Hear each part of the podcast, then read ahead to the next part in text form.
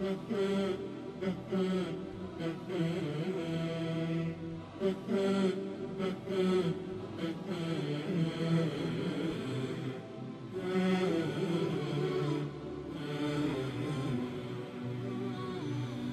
i Kerim, Allahu subhanahu wa ta'ala knjiga, hadisi Allahu poslanika sallallahu alaihi wa sallam mnogo govore o smrti. A i mi smo također njeni svjedoci. Svjedočimo svaki dan kako ona nekome od naših sugrađana, susjeda dolazi. I to je dakle jedna zasigurno velika istina koje svi svjedočimo, međutim rijetki su koji se, koji se pripremaju za nju. A nema nikoga da su ga ti trenuci zaobišli. Da su ga ti trenuci mimo išli. Sve jedan od nas zasigurno doživjet će te trenutke. Kako Allah subhanahu wa ta'ala prejasno kaže u mnogim kuranskim ajetima. Suri Al-Anbiya Kullu nefsin dha'iqatul maut. Svako živo biće će okusiti smrt. Kullu men alejha fan. Suri Ar-Rahman. Sve što je na zemlji proći će. Da se iko mogao sačuvati smrti, da ne okusi te trenutke, to bi bili najbolji Allahovi robovi, vjerovjesnici i poslanici. Međutim, i oni su je doživjeli. Čak najbolji, najodabraniji poslanik, vjerovjesnik Muhammed sallallahu alaihi wa sallam. I Allah subhanahu wa ta'ala također mnogo u Kur'anu govori o njegovoj smrti. Da je on smrtnik. Inneke mejit, wa innahum mejitun. Doista si ti smrtnik. I oni, tvoji, koji će doći nakon tebe su također smrtnici. Efe im mitte fehumul khalidun. Ako bi ti umro, zar će oni živjeti vječno? Niko. Čak u hadisu, Sehal ibn Sada Sa'idija radijallahu ta'ala poznatom hadis, o Muhammede živi koliko god hoćeš, ali znaj da ćeš umriti. Wa ahbib man shi't fa innaka mufariq. I voli koga god hoćeš, ne zna da ćeš se rastaviti od njega. Vamel ma'šit. Radi što god hoćeš, fe inneke medzijun bi. Ali znaj da ćeš za to biti pitan.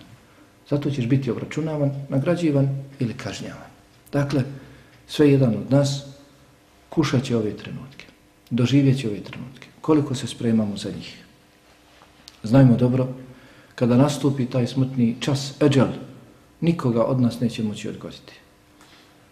Nikoga od nas neće moći odgoditi. A također niko od nas ne zna kada ćemo nastupiti.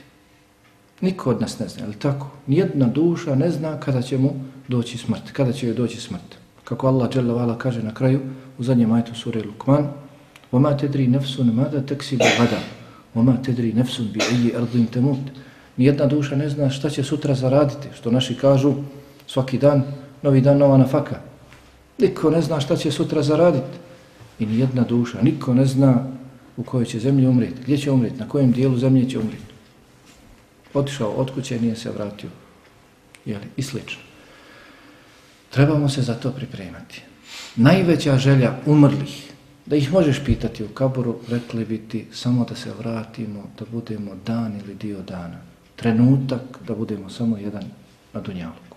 Zašto? Da se pripremimo za ono što smo doživjeli, što smo vidjeli i što nas još čeka. Kaže Hasan al-Basri, rahimahullahu ta'ala, nijedan čovjek, nijedno stvorenje, dakle mi, ljudi, niko od nas, muškarac ili žena, nije doživio dan kao što će doživjeti dva posebna dana. I nije doživio noć kao što će doživjeti dvije posebne noći. U svome životu niko od nas neće doživjeti dan kao što ćemo doživjeti dva posebna dana. Drugi dani neće nam biti ni nalik, ni približno njima. I niko od nas neće doživjeti noć kao što ćemo doživjeti dvije posebne noći. Nijedna noć neće nam biti nalik na te dvije noći. Kaže što se tiče dana, tih posebnih dana, to je dan kada će ti doći malek smrti, prvi dan. Kada će ti doći malek smrti. A drugi poseban dan jeste dan proživljenja. Kada ćemo ustati iz svojih kaburova i krenuti za glasnikom koji će nam govoriti na koje mjesto da idemo, da se iskupimo pred Allahom dželavala. Kaže što se tiče dvije noći, što se tiče tih noća, prva noć jeste noć u kaboru, prva noć u kaboru, trenuci kada se spustiš u kaboru. I druga noć jeste noć u oči, u oči proživljenja. Dakle, svako će od nas kušati smrt. I svako će od nas doživjeti ove dane i ove noći. I zato se, braćo, trebamo pripremati. Nećemo se moći vratiti. Allah, kao što je rekao, ja sam zapisao, odredio da se oni ne vraćaju. Onaj ko umre, pogine, on se više neće vratiti. Šehidi najboljom smrću, jeli poginuli, doživjeli smrt takvu, naprotiv, oni žive kod Allaha subhanahu wa ta'ala posebnim životom, ali i njima nema se vratiti na dunjavog. kada njima, tako dobrim robovima, nema se vratiti na dunjavog, zar nekome od nas da bude? Ne. Zato se pripremajmo. Pa večeras nešto, iako možda je neko od vas već to slušao i čitao o tome, da progovorimo o toj prvoj noći, odnosno prvim trenucima kada ćemo biti spušteni u kabur. Također to su trenuci koji će doživjeti sve jedan od nas. Neće ga mimo ići. Bio spušten u kabur ili negdje drugo izgorio, potopio, utopio se u moru, ostao na dnu mora, sve jedan od nas, neminovno, po našem vjerovanju, vjerovanju Allahovog poslanika, sallallahu alihi wasallam, njegove ashaba i koji dolaze nakon njih, on će doživjeti, dakle, određene jeli, stvari odmah nakon smrti, odmah nakon ukopa ili, kao što se kaže, jeli, život u Berzehu. Živjeće određenim životom, što se kaže život u Berzehu. Dakle, taj život počinje našim spuštanjem u kabur. Kada nas naša djeca, naši sinovi, naša braća, naši prijatelji spuste u kabur i stave daske po nama ili za nas i zagrnu nas zemljom u potpunosti po hadisima Allahovog poslanika sallallahu alaihi wa sallam, svi mi umrli, čućemo njihova stopala kako odlase s naše kabura. Tu su nas ukopali i bili su tu oko naše kabura i odlaze. Mi čujemo kako oni odlaze s naše kabura. A nalazimo se u potpunoj tami, u prestravljujućoj tišini. Ništa se ne čuje i potpuna tama, ništa se ne vidi. Od tada počinje naš život u Berzehu. Od, dakle, spuštanja u kabura. Iz te prestravljujuće tišine prenućeš se. Neko će te dozvati. Ma kako da ti se obrati. Lijepim riječima, lijepim glasom ili na neki drugi način prepašćeš se. Zamisli sebe, a vjerovatno smo nekada bili u takvoj situaciji da se nalazi čovjek u potpuno mračnoj prostoriji, potpuna tišina, mukla tišina. Pa da te neko zovne, ma kako da ti se obrati, ti bi se trgnuo u prvi mah, u prvi čas. Pa stoji u predanjima, brojnim predanjima, od Allahovog poslanika sallallahu alaihi sallam i od celefa naših prethodnika govor da će se kabur prvi obratiti čovjeku. kada čovjek bude spušten u kabur, zagrne se u potpunosti, odu s kabura, kabur će progovoriti. Međutim, na različite načine će usloviti vjernika, na, na druge, dakle, načine nevjernika. Na različite načine obraća se vjerniku i nevjerniku. Pa će se vjerniku iskazati dobrodošlica. Reći će mu se marhaben vo ehlen. Dobro nam došao. Ugodno se osjećaj kod nas. Dočim nevjerniku zlom čovjeku inači prkosniku, reći će se la merhaben wala ehlen. Nema tebi dobrodošlice kod nas. Teškolice, teškolice kod nas. To će biti prve riječi ili takve slične riječi, bit će koje će čovjek čuti. Vjernik i nevjernik. Bilježi Ibn Abi Šejbe u svome musannefu sa vjerodostinim lancem prenosilaca od Umeira Ibn Ubejda, rahimehullahu ta'ala da kada se čovjek spusti u kabur, da će mu se kabur obratiti i reći, o sine Ademov, zar nisi upozoren na mene?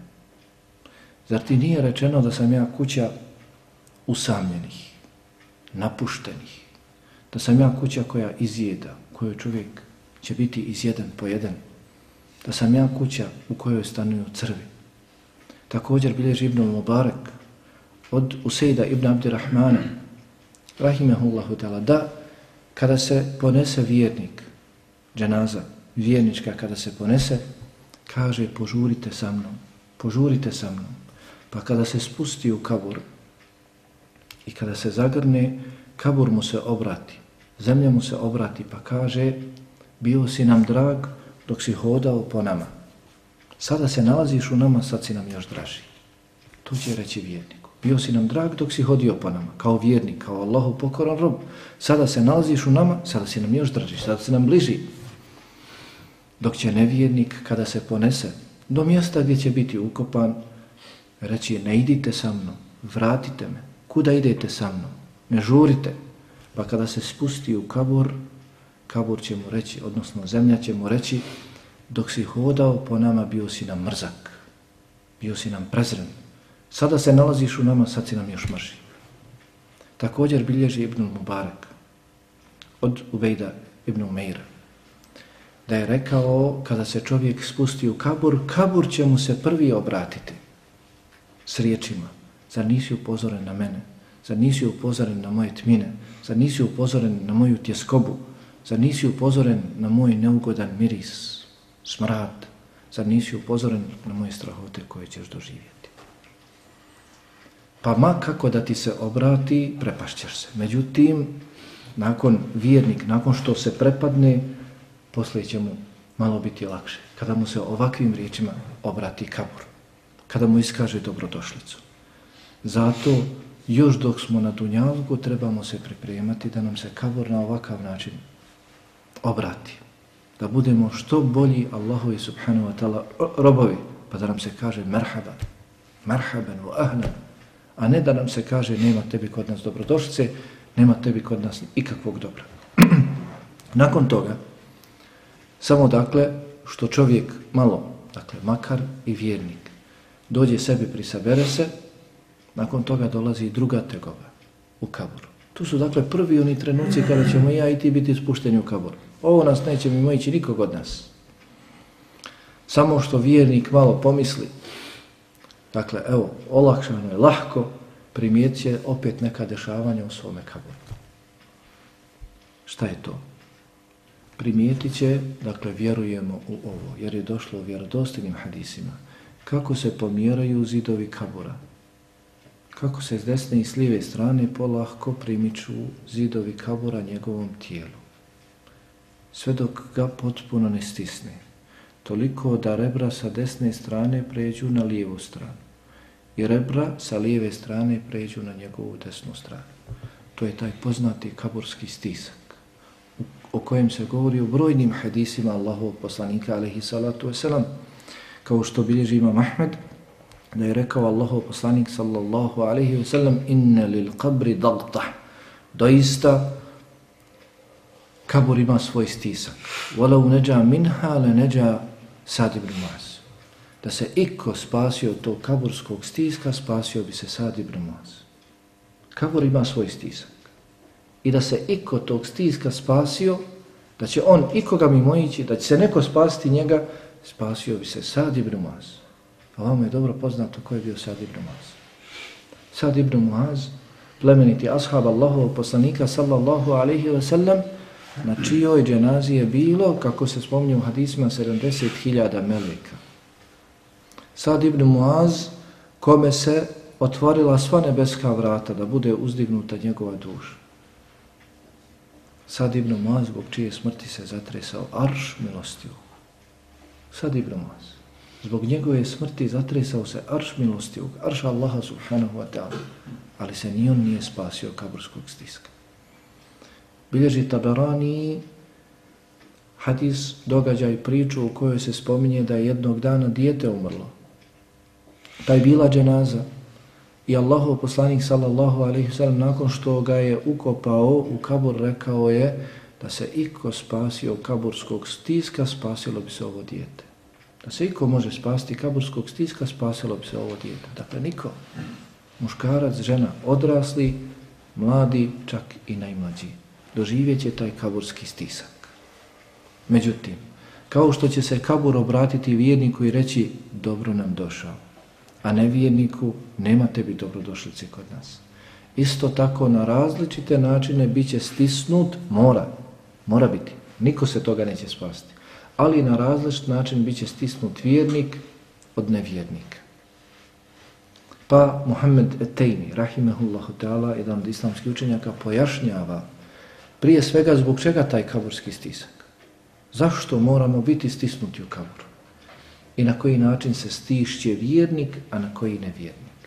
Kaže, zašto stisak u kaburu? Kaže, naša osnova, ljudska osnova je zemlja. Mi smo stvoreni od zemlje. Na neki način ona je naša majka. Stvoreni smo od zemlje i otišli smo od nje. Nismo bili toliko uz njom. Pa kad umremo i budemo vraćeni u zemlju, budemo vraćeni svojoj majci, ona će nas stisnuti. Kao što dijete kada ode daleko od svoje majke i potraje njegovo osustvovanje od njegove majke, kada dođe majci, ha, ćemo reći, što si mi sad došao? Kud mi ideš sad? Idi vrat se, ne. Već će ga majka prigrliti u svoje naručje i stisnuti. Međutim, neće ga toliko stisnuti da mu podrobi kosti, ha, već će svoga sinčića, jeli, milostivo stisnuti. Kaže tako isto. Vjernika će kabur stisnuti blago, dok će nevjernika stisnuti žestoko, srdeći se na njega. Dakle, moramo biti stisnuti u kaburu, ovo mora sve jedan od nas da živi. Niko se kaburskog stiska neće spasiti, neće ga mimoići, međutim, na dunjalku da beremo kako da budemo stisnuti u kaburu. Ako hoćemo da budemo blago stisnuti u kaburu, kao što nas majka zagrli kada joj odemo, jeli, ako već ne živimo s njom, odemo na Bajram ili na neku prigodu ili odemo, jeli, nije bitno kada, kao što nas majka zagrli, ako hoćemo tako da nas kabur zagrli. Na dunjalku da beremo. Zatim, vjernik, nakon što ga kabur tako blago stisne i ponovo se vrati u svoje prvobitno stanje. I malo lakne. Nakon toga desit se nešto drugo odnosno treće, jel? Vjerovatno ste nekada bili u prostoriji sami, spavali. Također tama bila mrak, bio u potpunosti ispunio tu prostoriju, ništa se ne čuje, ali ako se neko još nalazi u prostoriji, ha, to isto je, ne vidite ga mrak, ne čujete ga, ali se osjeti njegovo prisustvo. Čovjek može, eto, lezite, spavajte, Ne vidite nikoga kad se probudite, ako neko tamo negdje ima u čošku ili slično, osjeti se. Osjeti se njegovo prisustvo. Tako će i vijednik. Čim se kabor vrati u prvobitno stanje i malo mu se olakša, osjetit će da neko ima zajedno s njim u kaburu. Pa će onda primijetiti nekoliko očiju kako gledaju njega. To su munkiri nekir. To su munkiri nekir, čiji također dolazak spominju brojni hadisi Allahov poslanika sallallahu alaihi ve sellem i dolaze zbog posebnog ispita. Dolaze zbog posebnog ispita. U predanjima spominje se njihov opis. Kažu islamski učenjaci, osvrćući se na te riječi, da se pojave među ljude, munkir i nekir, u tom svom izgledu da se pojave među ljude, da dođu u neko nasilje, u neko nasilje, u nek, neki grad, ljudi bi pomrli od straha. Ljudi bi umrli od straha. Kaže se u predanjima da su tamnih lica, tamnog odijela, da im je glas poput grmljavine kada progovore, kada te upita, a da oči im sijaju poput svjetlica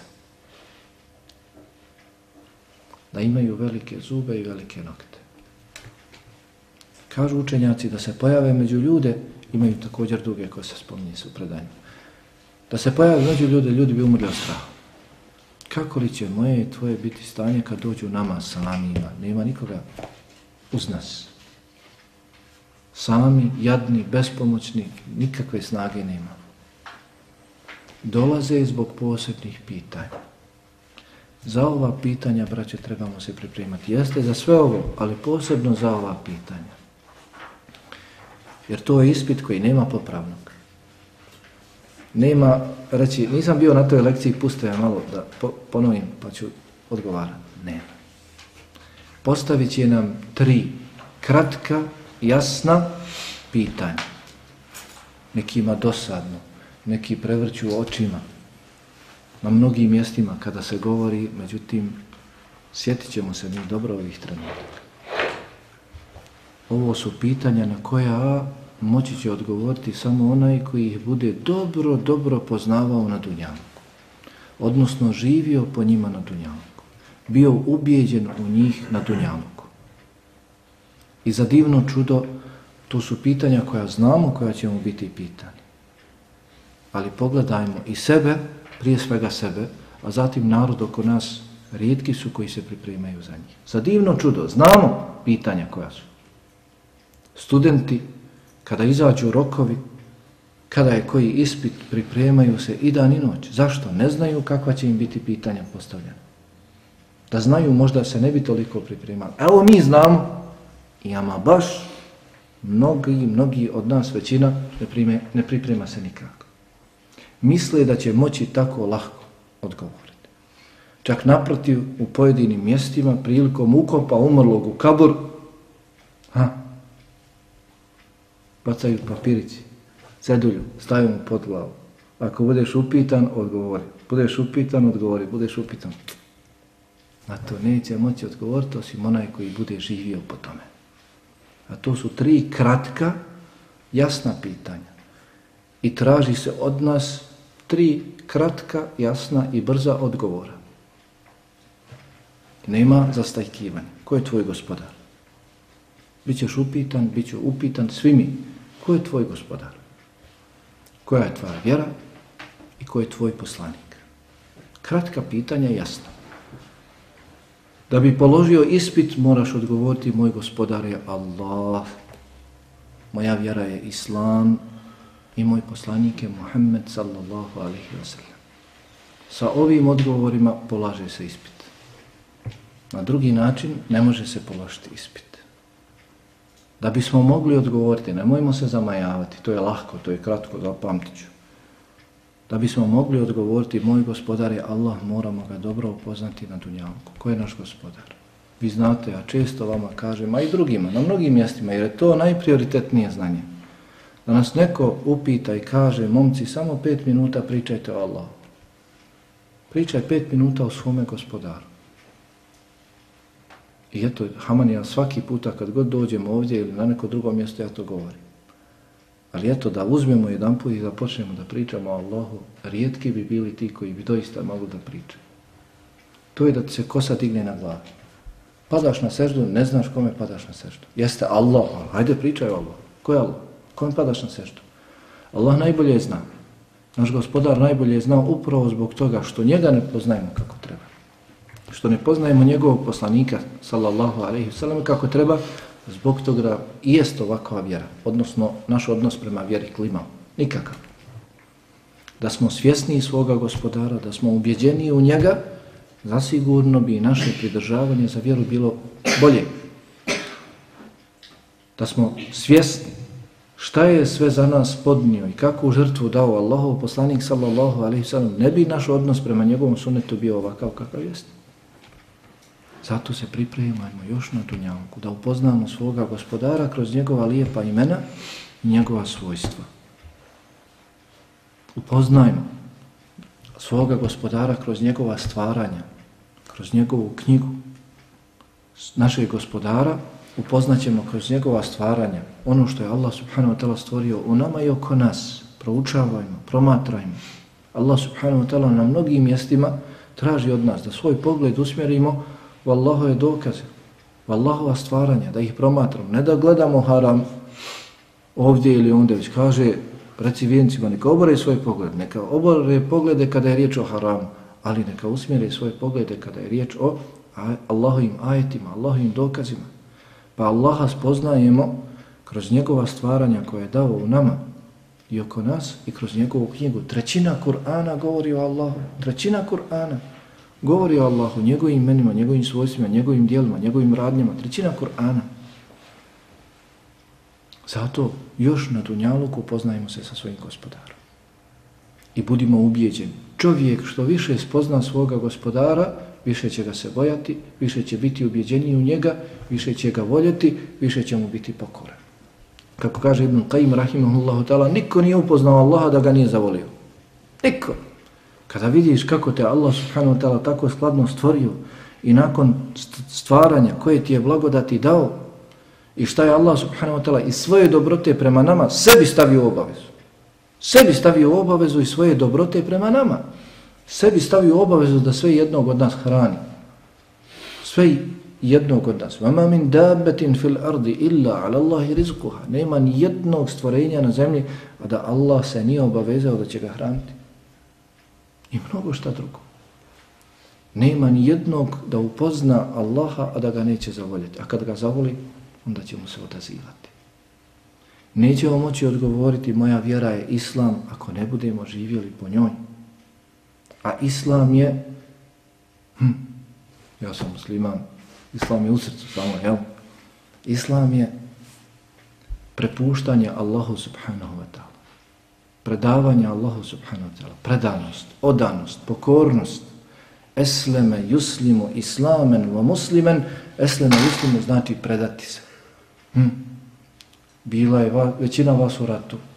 Hm. Da neko upre pušku u tebe, i kaže radi ovo ili ono, ako hoćeš da ostaniš u životu, moraš da radiš, pa mu se predaš, ako hoćeš da ostaniš u životu, što god zatraži od tebe, ti moraš da radiš, ako hoćeš da ostaneš u imanskom životu, moraš što god dođe od Allaha da radiš. Ako hoćeš da živiš životom vjernika, mu'mina, muslima, moraš što god dođe od Allaha, kažeš ja se predajem, ja sam pokoran. Što god dođe od Allaha, to je musliman. Nije musliman samo onaj koji je na jeziku ili onaj koji se fata samo za srce. Ne. Dakle, islam i iman jeste dakle ono što se nalazi u srcu, što se potvrđuje riječima i obavezno djelima. I obavezno djelima. Pa ako ne budemo živjeli tom vjerom, nemojmo se zamojavati. Da ćemo moći odgovoriti moja vjera je islam. Valja u to biti ubijeđena. Čovjek, kada je ubijeđen u srcu, to i svjedoči, žuri da posvjedoči svojim jezikom i da dokaže svojim djelima. Zasigurno. I dijela su ponajveći dokaz onoga što se nalazi u srcu. Ponajveći dokaz onoga što se nalazi u srcu. Nećemo moći odgovoriti moj poslanik je Muhammed sallallahu alaihi wasallam. Osim ako nam doista na dunjalku bude vođa, imam, onaj za kim se budemo povodili, onaj čiji način obožavanja Allaha subhanahu wa ta'ala budemo slijedili. On ga poslao, uzvišeni Allah ga poslao, a mi mudrujemo i izmišljamo od sebe, kako ćemo obožavati Allaha subhanahu wa ta'ala, što ga je Allah slao. Subhanallah, danas sve mudraci, sve mudruju. Mudrost je ovo, mudrost je ono. Hm. Allah subhanahu wa ta'ala u Kur'ani Kerimu, u Kur'ani Kerimu sunnet poslanika Muhammeda sallallahu alaihi sallam naziva hikmetom. Hm. Možeš da budeš mudar? sledi sunnet. Suri Al-Ahzab, prije svega u Suri Al-Baqar, poznati kuranski ajeti gdje se spominje gradnja Kabe, Ibrahima i Ismaila, pa je li treći ajet na 20. stranici, وَبَعَثْ فِيهِمْ رَسُولًا مِنْهُمْ يَتْلُوا عَلَيْهِمْ آيَاتِكَ وَيُعَلِّمُهُمُ الْكِتَابَ وَالْحِكْمَ وَيُزَكِّهِمْ Gospodaru, pošalji im od njih, jednog od njih kao poslanika, koji će im učiti tvoju knjigu koji će im učiti tvoje ajete, podučiti ih knjizi i mudrosti i očistiti ih. Podučiti ih knjizi i mudrosti čemu? Sunnetu. U suri Al-Ahzab Allah subhanahu wa ta'ala obraća se suprugama poslanika Muhammeda sallallahu alaihi wa sallam وَذْكُرْنَ مَا يُتْلَى فِي بُيُوتِ كُنَّ مِنَ الْآيَاتِ وَلَحِكْمَ Prisjetite se samo šta se uči, šta se govori u vašim kućama od ajeta i hikmeta mudrosti, odnosno sunneta. Pa čovjek što god više slijedi sunnet je mudri. Što god se više pridržava vjere onake kakva je objavljena, on je mudri. Ne može biti bez toga mudar. Nemoj misliti. Jer je Allah subhanahu wa ta'ala poslao poslanika sallallahu alaihi sallam da u detalje pojasni vjeru. Ništa nije ostalo da on nije pojasnio. I na nama je samo ovako. Ponuđeno da to uzmemo. A mudar znači biti dati svakome njegovo pravo. Postaviti svaku stvar na njeno mjesto. A to nećemo moći u vjeri osim Ako budemo slijedili poslanika sallallahu alaihi sallam, jer je on stavio sve na svoje mjesto. I mi, ako hoćemo da budemo mudri, da postavimo sve na svoje mjesto, samo možemo slijediti njega, a ne otkini malo ovdje, otkini malo ovdje, ustupi malo ovdje. To nije mudrost. To je poigravanje s vjerom. Pa nećemo moći odgovoriti moj poslanik je Muhammed sallallahu alaihi sallam, osim ako ga doista na dunjaluku, dakle, i budemo slijedili. Ako ga budemo dosljedno slijedili, imaćemo odgovoriti. Zašto? Zato što u brojnim hadisima u kojima se spominju ovi događaj, hadisu Bara ibn Adiba poduži hadis i u drugim hadisima kod imama Ahmeda, stoji da će pitati Meleki kako si znao? Na kraju će pitati kako si znao da je tvoj gospodar Allah, da je tvoja vjera Islam, da je ovaj čovjek poslanik Muhammed sallallahu alaihi sallam pa kaže čitao sam knjigu i bio sam ubijeđen. Dok će munafik, licemjer i nevjernik, on će odgovarati ha, kad im se bude postavljeno pitanje, bilo koje, ha, pokušat će da se sjeti, ha, pa će na kraju reći, govorio sam što su govorili ljudi. Pa će Melek je reći, nici učio, nici znao, nici bio ubijeđen. Hm. Zato, dakle, treba učiti. Ne možemo, dakle, znati ko je naš gospodar tek tako. Valja sjesti i učiti. Allahovu knjigu, Allahova lijepa imena upoznavati, njegova svojstva, njegova djela, posmatrati njegova stvaranja, učiti vjeru islam. Vjera islam ne može se, dakle, ne možemo obožavati Allaha subhanahu wa ta'la i biti muslimani kakvi mi hoćemo. A? Vjera islam je vjera od prvog poslanika i vjerovjesnika do zadnjeg, Muhammeda sallallahu alaihi sallam. Sve što je bilo objavljivano, sve to islam. I svi su oporučivali svojim sinovima jeli da budu muslimani, da ne umiru osim kao muslimani, da ne umiru drugačije osim kao muslimani.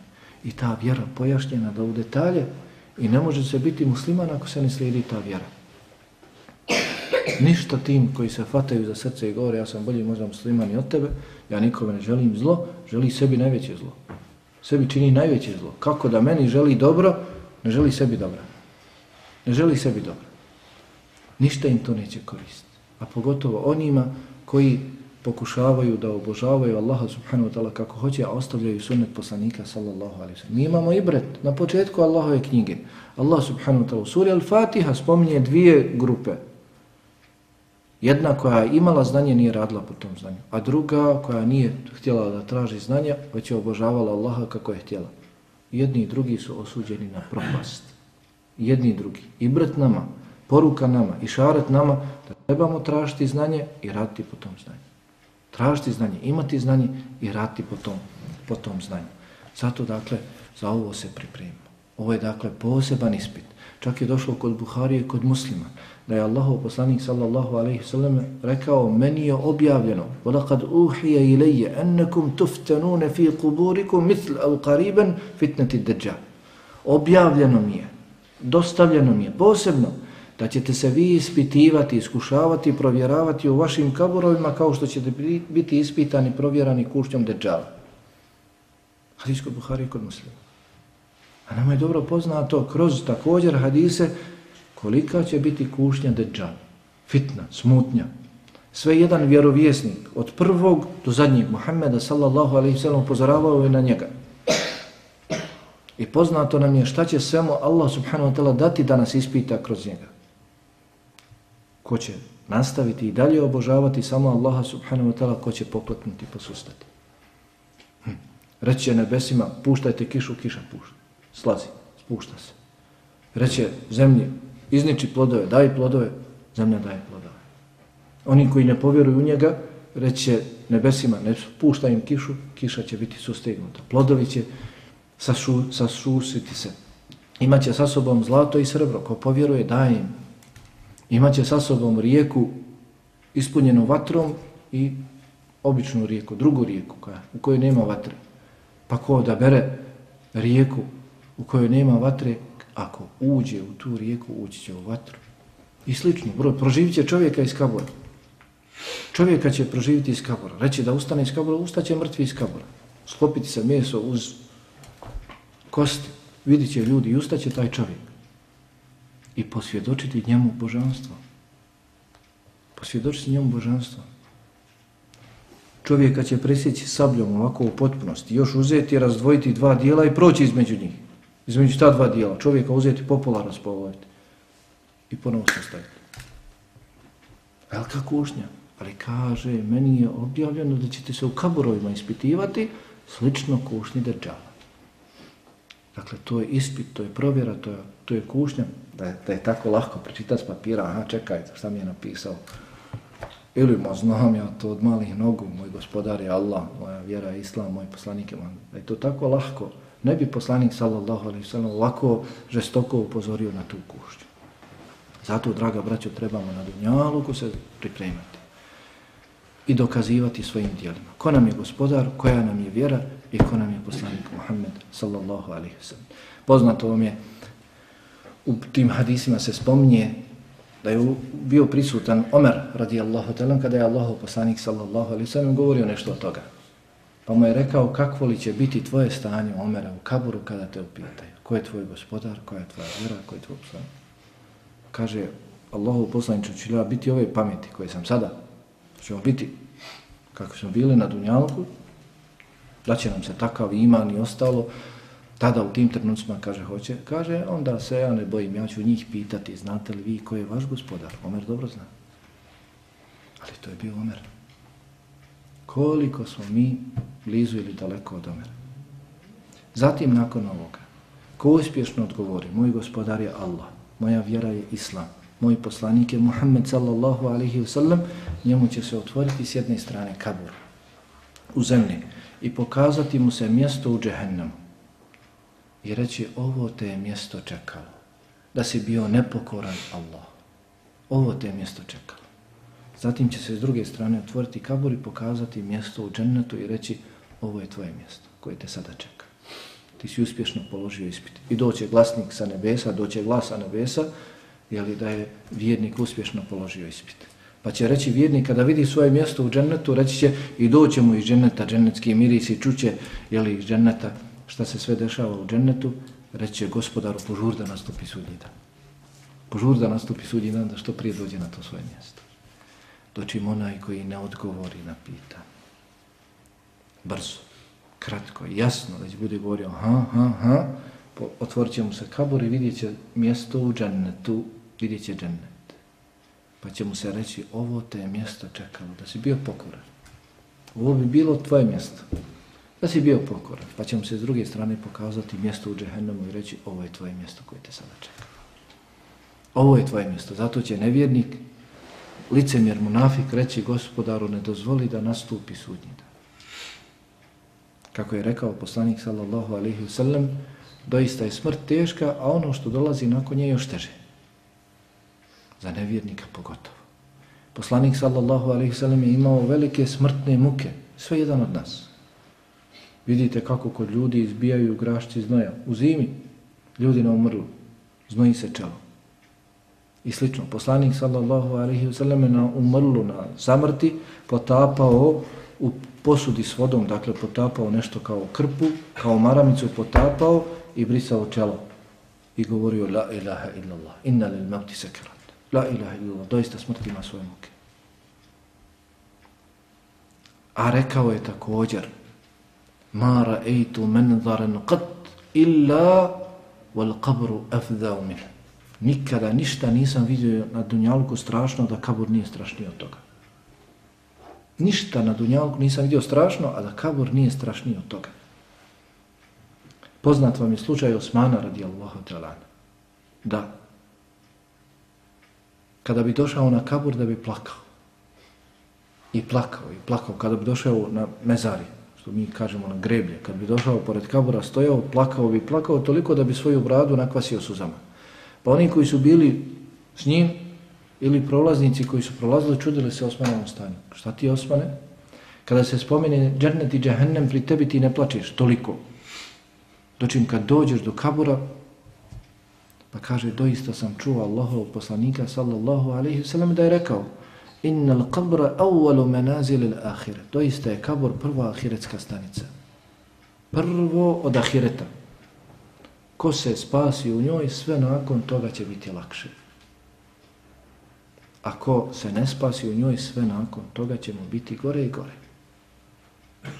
prva ta ahiretska stanca u kojoj ćemo svi osjesti, na kojoj ćemo svi izaći i doživjeti ove trenutke jeste kabur. Ko se spasi i položi ispit u njemu, sve će nakon toga biti gospodaru požuri da nastupi sudnji dan. Sve će biti bolje i ljepše. Dočin, onaj koji ne položi ispit, sve nakon kabura će mu biti teže i teže. Zato se spominje kada munkeri neki robi sa zapisanim odgovorima, vjerniku će doći čovjek bijelog lica, bijele odjeće, lijepog, prijatnog mirisa, koji će ispuniti njegov kabur. Pa će reći, raduj se Allahovom zadovoljstvu. Raduj se džennetskim bašćama. Budi radostan. A vjernik će ga upitati, ko si ti? Tvoje lice, a i same tvoje riječi govore o dobru. Ko si ti? Pa će reći, ha? Ene amelu kesale. Ja sam tvoje dobro djelo. Ja sam tvoje dobro djelo. Allah će dobra djela vjernika pretvoriti, dati u liku čovjeka. To će onaj Kur'an koji si učio, ona sadaka koju si podijelio, oni namazi koje si klanjao. Gledaj što ih više možeš da klanjaš. Što više sahifa iz Kur'ana da proučiš. Ako imaš i metka, Allah ti dao dijeli potrebnima. Nemaš, makar ljudima olakšaj sa lijepom riječju. To će biti sve pretvoreno u lijepog insana koji će ti doći i družiti se s tobom do sudnjega dana. U kaburu. Ali grijezi. Isto će tako biti pretvoreni. U tamnog čovjeka. Neurednog izgleda. I vrlo, vrlo neugodnog mirisa, odnosno smrada. Koji će ispuniti kaburove nevjednika i loših ljudi. Vjerovatno ste nekada na Dunjalku stali sa osobom ha, neugodnog mirisa. Minutu ili dvije. Koje su se činile kao godine. Sa čovjekom, ne znam, koji je pijan. Iz njega se čuje. Pa ona minuta ili dvije koje ste proveli s njim kao da su godine. Samo ste gledali desno, lijevo, hoće li neko doći da vas odvede od njega da prekine vaš razgovor. Šta mislite? Šta će biti sa onima u kaburu koji ne polože ispit pa se budu družili sa ovakvim do kijameta, do sudnjega dana. Zato opet izaberimo, ako hoćemo da nam dođe čovjek lijepog izgleda, lijepe odjeće i prelijepog birisa, na Dunjaluku se za to potakmičimo. Na Dunjaluku se obračunavajmo. Da li doista svoja dobra djela takva dijela šaljemo za svoj ahiret. Allah subhanahu wa ta'ala sve nas poziva, bez izuzetka. Ako tvrdimo da smo vjernici, ja juha ladina amanu taqullahu, wal tanzur nafsum ma qaddamat liqad. O vjernici, bojite se Allaha i neka svaka duša pogleda šta je za sutra pripremila. Doslovan prijevod šta je poslala za sutra. Koja dijela je poslala za sutra? Sutra sve će nam se uzeti u obzir. Ono što smo slušali, ono što smo gledali, ono u čemu smo jeli, priželjkivali, zatim radili po tome. In sem'a wal basara wal fu'ada kullu lajke kan anhu mas'ula. Doista i sluh i vid i razum za sve to će se biti pitan. Sutra nam kajanje nikome neće vrijediti. Zato se danas obračunavajmo. Prije nego li nam dođe smrt niko od nas ne zna kada će. Možda neko neće osvanuti od nas. Možda će neko ovdje ili onda skončati. Ali dakle gledajmo. Naši prethodnici kada bi im se reklo sada će vam doći melek smrti, ne bi znali više šta da rade od dobrih dijela. Ne bi znali više šta da rade od dobrih I oni su živjeli na Dunjalku kao i mi. I oni su imali dunjalučke potrebe kao i mi. Šta je to s nama toliko? Toliko smo se vezali za Dunjaluk koji sve više i više odlazi od nas. A Ahiret sve više i više je bliži nama. Taj Dunjaluk, ako ga ne ispunimo dobrim dijelima i na njemu ne budemo jeli činili dobra dijela, ništa nam neće koristiti njime ne budemo tražili Allahovo zadovoljstvo, Allahovo lice, ništa nam neće koristiti. Zato trebamo se obračunavati. Poznato vam je Ibrahim Tejn, drugi islamski učenjak Muhaddis, kako se obračunavao. Kaže, zamislio bih sebe u džehennemu, kako pijem gnojnu kapljevinu, kako hodam u okovima i lancima, kroz džehennem, kako se udaram željeznim manjem, pa sam pitao dušu, želiš u ovom da budeš? Kaže, ne, ne, želim da se vratim na Dunjaluk, da činim dobra djela, da se spasim ovakve završnice. Aha, Kaže, zamislio bih sebe u džennetu. Kako hodam kroz džennetske vašće, kako pijem džennetsko piće, jedem džennetsku hranu, grlim džennetske žene, pa sam pitao dušu, želiš da budeš u ovome? Kaže, ne. Šta želiš sad? Kaže, želim da se vratim na dunjalog, da činim dobra djela, pa da dobijem više od ovoga Da dobijem više od ovoga. Kaže, dobro, ti si na dunjaluku. Ti si onome što je preželjkuješ. Ti si na dunjaluku, pa radi. Radi, nemoj samo priželjkivati. Danas mnogi muslimani se nadaju, jeste, Allahova milost je pretekla njegovu sržbu. I Allahova milost je sveobuhvatna. I Allahova milost nema joj kraja. Međutim, ne nada se tako u Allahom milost. Allah subhanahu wa ta'la presno rekao u zadnjem majcu suri al-Kahf, jel tako? فَمَنْ كَانَ يَرْجُوا لِقَاءَ rabbi. Fel jamel amenan saliha. onaj koji se nada susretu sa svojim gospodarem. Onaj koji se nada lijepom susretu sa svojim gospodarem. Da ga Allah sutra lijepo dočeka lijepo primi susretne se s njim. Bude blag prilikom obračuna da mu oprosti šta kaže se? Fel jamel amenan saliha. neka čini dobra djela. Ne Allah je milosti Allah je milosti neka čini dobra djela i neka u tim djelima Allahu nikoga ne smatra ravni neka bude u tim djelima iskren prema Allahu. Zato, dakle, trebamo se obračunavati što je god moguće više svoj život ispuniti dobrim djelima. Kada radimo, moramo raditi. Živimo na Dunjaluku i moramo raditi za Dunjaluk. Ne možemo, jeli? Ali da radimo halal, da donosimo svoje poroci halal obskrbu, da nijetimo time, da stavimo halal zalogaj svojoj supruzi, svojoj djeci u usta, da je to radi Allaha subhanahu wa ta'ala. Zatim, mimo tog vremena, što je god moguće više da ispunimo dobra djela, sutra ja i ti ne znamo šta nam može koristiti od dobrih djela. Možda nam zafali samo jedno dobro djelo. A sutra bismo dali sve samo za jedno dobro djelo. Poznato na sudnjem danu da će tražiti samo jedno dobro djelo. Babo, majka, od sina, od kćerke tražiti samo jedno dobro djelo. On. Zato će čovjek bježati od oca i od majke i od žene i od djece. Od svih će bježati. Svi traže. I on bi sam da ima od koga. Samo jedno dobro djelo. I svi od njih će reći samo jedno dobro djelo da se njima zaklonim od džehennemske vatre. E, da ne bismo sutra se doveli u takvu situaciju, žurimo na dunjavku. Što god možemo svoje vrijeme da ispunimo dobrim dijelima, ispunimo u prilici smo svake sekunde da činimo dobro djelo. Ako nisi u mogućnosti da drugom činiš dobro djelo, da nešto privrediš, možeš da zikriš. Možeš da zikriš. A zikr je jedno od najboljih dijela. Jedan od najboljih ibadeta. Pogledajte, čitajte Allahovu knjigu nakon svih ibadeta. Posebnih ibadeta. Naprotiv temelja Islama Allah naređuje da se zikri. Posle namaza, posle džume namaza, posle posta, suri al-Bekare posle hađa suri al-Baqara. Posle velikih ibadeta Allah subhanahu wa ta'ala naređuje da se zikri. Jer je zikr poseban ibadet. I mi za zikr dobivamo posebnu nagradu. Čovjek ne može da pojmi kolika je ta nagrada. Ali Allah subhanahu wa ta'ala nagrađuje i znaje da će ta nagrada biti veća. Allah je rekao prejasno i to je jedan od ajeta koji bi nas trebao ponajviše postaknuti da naš jezik bude vlažan od spomena Allaha. Fethkuruni adkurkum. Fethkuruni adkurkum. Vi mene spomenite pa ću ja vas. Allah kaže vi mene spomenite pa ću ja vas. Zar ima nešto vjerniku draže od toga da ga Allah spomene po lijepom? Njegov gospodar. Da te Allah spomene po lijepom, to je znak da, da je Allah zadovoljan s tobom. Da te Allah voli.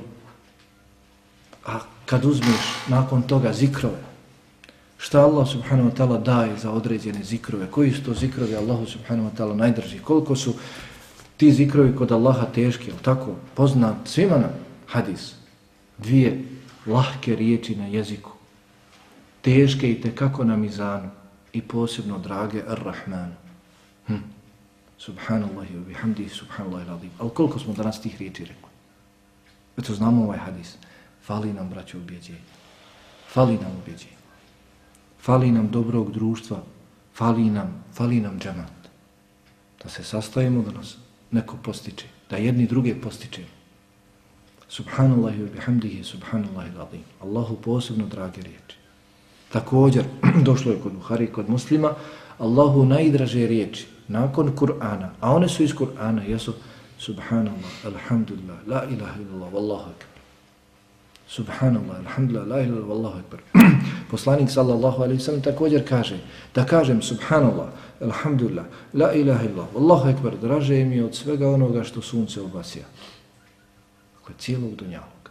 Sunce obasija cijeli dunjalog. Draže mi je od svega onoga što sunce obasija. Zašto? Jedne prilike dolazi poslanik sallallahu alaihi sallam i trese stavu. Pa ne spada ništa sa stavu, ne spada lišće.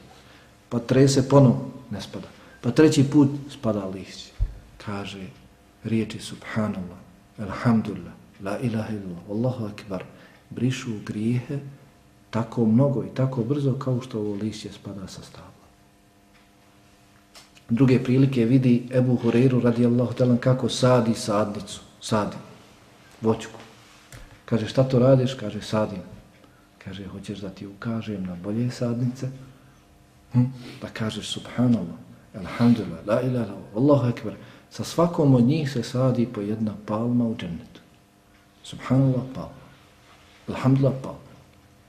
La ilaha illallah, palma. Allahu akbar, palma. Također došlo u hadisu kada rob kaže Subhanallah, Allah kaže sadakt. Istinu si rekao. Kada kažeš, kada kažem zikr, Subhanallah, Subhanallah, neka je Allah čisto od svake manjkavosti. Kod nas Subhanallah se često prevodi kao slavljenje Allah. Neka je Allah slavljen, manjkav je to prijevod. Neka je Allah čisto od svake manjkavosti. Što mu ljudi pripisuju? Stvorenja mu pripisuju. On je čist od svake manjkavosti, on je potpuno, on je savršen, jedino on. Takdis, čišćenje Allaha od svake manjkavosti. Ha, poslušajte na kojoj, na četvrtoj stranci, sura Al-Baqara, kad Allah subhanahu wa ta'ala govori o stvaranju Adema. Pa meleki kažu, zbog čega da stvaraš novo stvorenje, zbog čega da stvaraš čovjeka, kada ti mi činimo ibadeti i kada ti mi nukaddisu lek, Nisu rekli nukaddisuk, već su rekli nukaddisu lek. A po pravilima arapskog jezika može se reći nukaddisuk, bez ikakve prepreke. Zašto su rekli ovo lam lek ima značenje, značenje posebnosti, dostojnosti? Zato što si samo ti toga čist, dostojan. I mi te čistimo od svake manjkavosti. Zato samo što si ti potpun savršen. Nukaddisu lek. I svaku manjkavost negiramo samo tebi. Pa kaže Allah subhanahu wa ta'ala sadakt. Istinu si rekao. Samo sam ja čist od svake manjkove. Samo sam ja potpuno savršen. Kada rob kaže alhamdulillah, sva hvala pripada samo Allah.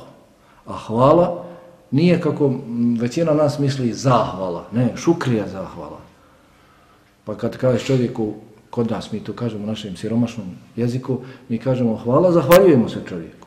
Nema smetnje da se zahvali čovjeku, jer je također došlo u hadisu ko nije zahvalan ljudima, nije zahvalan ni Allahu, ali hvala u šariatskom dakle, terminu, značenju, ima dakle, značenje spominjanja Allaha subhanahu wa ta'ala, odnosno njegovih imena, njega, spominjanja Allaha subhanahu wa ta'ala kroz njegova imena i svojstva uz potpunu ljubav. Šta znači hvaliti Allaha? Na dunjalku pokušavaju da hvale ljude. Kako? Kada spominju, on je taj, taj, taj, taj, taj, spominjemo nekakve diplome ono, u Tavadiz. Pa što čovjek više ima nekakvih odlikovanja, on je ugledniji kod ljudi. Allah subhanahu wa ta'ala ima imena i svojstava, nema im broja. Zato on se najviše hvali. Zato on je svoju knjigu odpočeo sa hvalom, jer jedini on dostajan toga. Pa kada čovjek kaže Alhamdulillah, sva hvala pripada samo Allahu, kaže Allah, sadakt, istinu si rekao. Kada čovjek kaže La ilaha illa Allah, nema istinskog Boga mimo Allaha. Nema istinskog Boga, ima ljudi obožavaju mnoga božanstva, ali istinski Bog koji sve ovo stvara i sve ovo održava i sve ovo uređuje, jedini je Allah, zato je on jedini istinski Bog. Jedini on dostajan da se obožava. Može neko drugi da nam stvori ovo što je on stvorio? Neka pokušaju, pokušavaju svo vrijeme. Ne mogu, kako Allah kaže na zadnjoj stranci sura Al-Hajj, ne mogu da preotmu ono od mušice što i mušica uzme, a kamo li da stvore nešto novo? Ne mogu da ponovo vrate ono što i mušica uzme, kada svojom kiselinom jel to natopi. A pa Allah kaže, istinu si rekao, nema istinskog Boga mimo mene. Kada čovjek kaže Allahu Akbar, Allah je najveći od svih, Makoliko se stvorenja smatrala velikim i uzdizali, Allah je najveći. Kaže Allah, sadakt. Nakon toga kaže poslanik sallallahu alaihi sallam, koliko čovjek kaže Allahumma gfir li, Allahumma je oprosti mi, kaže Allah, kad fa'alt, uradio sam. Allahumma rhamni, kad fa'alt. Allahumma smiluj mi se, kaže, ja sam to uradio već. Allahumma rzukni, Allahumma je obskrbi me, kaže, kad fa'alt. Ja sam to uradio. Zato su te riječi Allahu najdraže. I zato ih je toliko volio poslanik sallallahu alaihi sallam. Draže su mu bile nego sve ono što bi sunce obasjalo. Dakle, ako ne možemo nešto da radimo, onda zasigurno svoje vrijeme možemo ispuniti zikrom. Ne znam, neko radi za mašinu, za mašinu, neko vozi kamion, neko vozi auto ili slično, može da zikri bez imalo problema. Ali, nastoj i drugim ibadetima da ispuniš svoje vrijeme. Nastoj ako možeš da činiš drugim ljudima dobro djelo, jer je to djelo zasigurno kod Allaha subhanahu wa ta'ala daleko, daleko vrednije od djela koje činiš samo za sebe. Djelo od kojeg imaju i drugi koristi je zasigurno kod Allaha vrijednije. Poznat vam je dobro hadis Ebu Hureyri radijallahu ta'ala kod Buhari kod muslima u kojem kaže Allahov poslanik alihi salatu wasalam hm, onaj koji je u potrebi udovice i siromaha, onaj koji izvršava potrebu udovice i siromaha je poput borca na Allahom putu. Kel muđahidi fi sebilila. Poput muđahida na Allahom putu, borca na Allahom putu. Kaže Buhuriri i mislim da je još dodao, nisam ga dobro čuo, mislim da je još dodao poput onoga koji stalno klanja i onoga koji stalno posti. Onaj koji izmiruje potrebe siromaha. Pa dakle, nastoj. Ti ne znaš šta ti može sutra koristiti. Kad god si u prilici da činiš dobro djelo, radi. Vidiš, treba nekoga prevesti preko ulici, prevedi ga preko ulici. Dijete, staru osobu. Vidiš nešto na ulici, danas kod nas svašta ima na ulici. Ako možeš da skloniš s ulice, s puta, skloni. Neko je može olakšati, makar sa pola riječi, olakšaj. Za nekog se može zauzimati da njegovo stanje se popravi. Pa i dunjaločko, zauzimaj se. Nemoj ništa ni podaštavati od dobra kako je rekao Allah i poslanik alaihi salatu oslam, la tahqiranne min al marufi šeja. Ništa od dobra nemojte ni podaštavati smatrati malim, makar da se nasmiješ svome bratu u lice. To je sadaka. To je sadaka. Poskupljajmo što je god moguće više dobrih dijela. Poznato vam, čuli ste vjerovatno na nekim drugim predavanjima, Zubejda, Zubejda je bila supruga Haruna ar-Rashida, koja je u svoje vrijeme učinila jedan projekat učinila je nešto što mnogi muškarci nisu uradili. Šta je to bilo? One godine, jedne godine je obavljala hađu sa svojim suprugom Harunom, koji je bio halifa muslimana. I tada je bila velika žega, mnogo vruće, većinu je tamo vruće. Nije bilo vode. U njihovo vrijeme nije bilo vode na mini. Nije bilo izvora, nije bilo vode. Hm. Pa je ona vidjela da je to veliki problem. Hadžije što bi ponijele sa sobom vode, pili bi, kada bi popili, samo bi očekivali milostinju ko će im da donese, ili bi dakle nalazili se u teškom stanju. Pa je i svoga imetka izdvajala, izdvajala, izdvajala, naredila da se iskopa bunar na mini, da ljudi imaju vodu. Gdje će točiti? Međutim, nije se mogao naći bunar na mini. Nije bilo vode na mini. Nisu mogli naći. Niti oko mine, već daleko od mine našao se izvor s vodom. Pa je ona davala svog imetka sve dok se nije napravio, sve dok se nije iskopao izvor i napravio kanal. On i dan danas postoji. Napravio se kanal sve do mine. Dotiče voda. Zove se Ainu Zubejda. I dan danas. Zubejdin izvor. Pa je Zubejda umrla. I viđena od dobrih ljudi u snu. Pa su je pitali šta je Allah uradio s tobom. Pa je rekla, nasmijala se i rekla, Allah mi oprosti. Allah mi oprosti, gaferali. Zbog čega? Zbog izvora kojeg se iskopala i muslimanima olakšala, kaže, nije. Već, kaže, zbog dva rekata noćnog namaza u kojima sam ustrajala. Zbog dva rekata noćnog namaza. Ko bi mogao pomisliti? Jedan od učenih ljudi također je umro, učen čovjek, mnogo dao za Allaho vjeru. Pa kad su ga vidjeli u snu, šta je Allah uradio? S tobom, pitali su kao on se nasmijao i ovako rukom pokazao. Uzdigao me. Kaže, zbog tvog poziva, zbog pozivanja ljudi u vjeru, kaže, nije. Zbog nekoliko dinara koje sam dao siromasima, jetimna, iskreno radi Allah. Mi ne znamo šta nam može koristiti. I nemojmo nikada. Što god radimo, makako ono bilo malo, uradimo, što god nam padne na um, dobro dijelo, dobro dijelo, sitno, ne odbacuj ga. Samo pobrini se da nijet bude iskren, da bude to radi Allaha subhanahu wa ta'ala. Makako bilo dijelo malo, ono će biti kod Allaha subhanahu wa ta'ala ogromno. I prisjetimo se ovih trenutaka u kapu, zasigurno. Prisjećajmo se što je god moguće više, pa će nas oni ako Bog da posticati Allahom dozvolom da što je god moguće više i činimo dobrih, dobrih dijela. سبحانك اللهم وبحمدك اشهد ان لا اله الا انت استغفرك Mm-hmm. mm-hmm. mm-hmm. mm-hmm.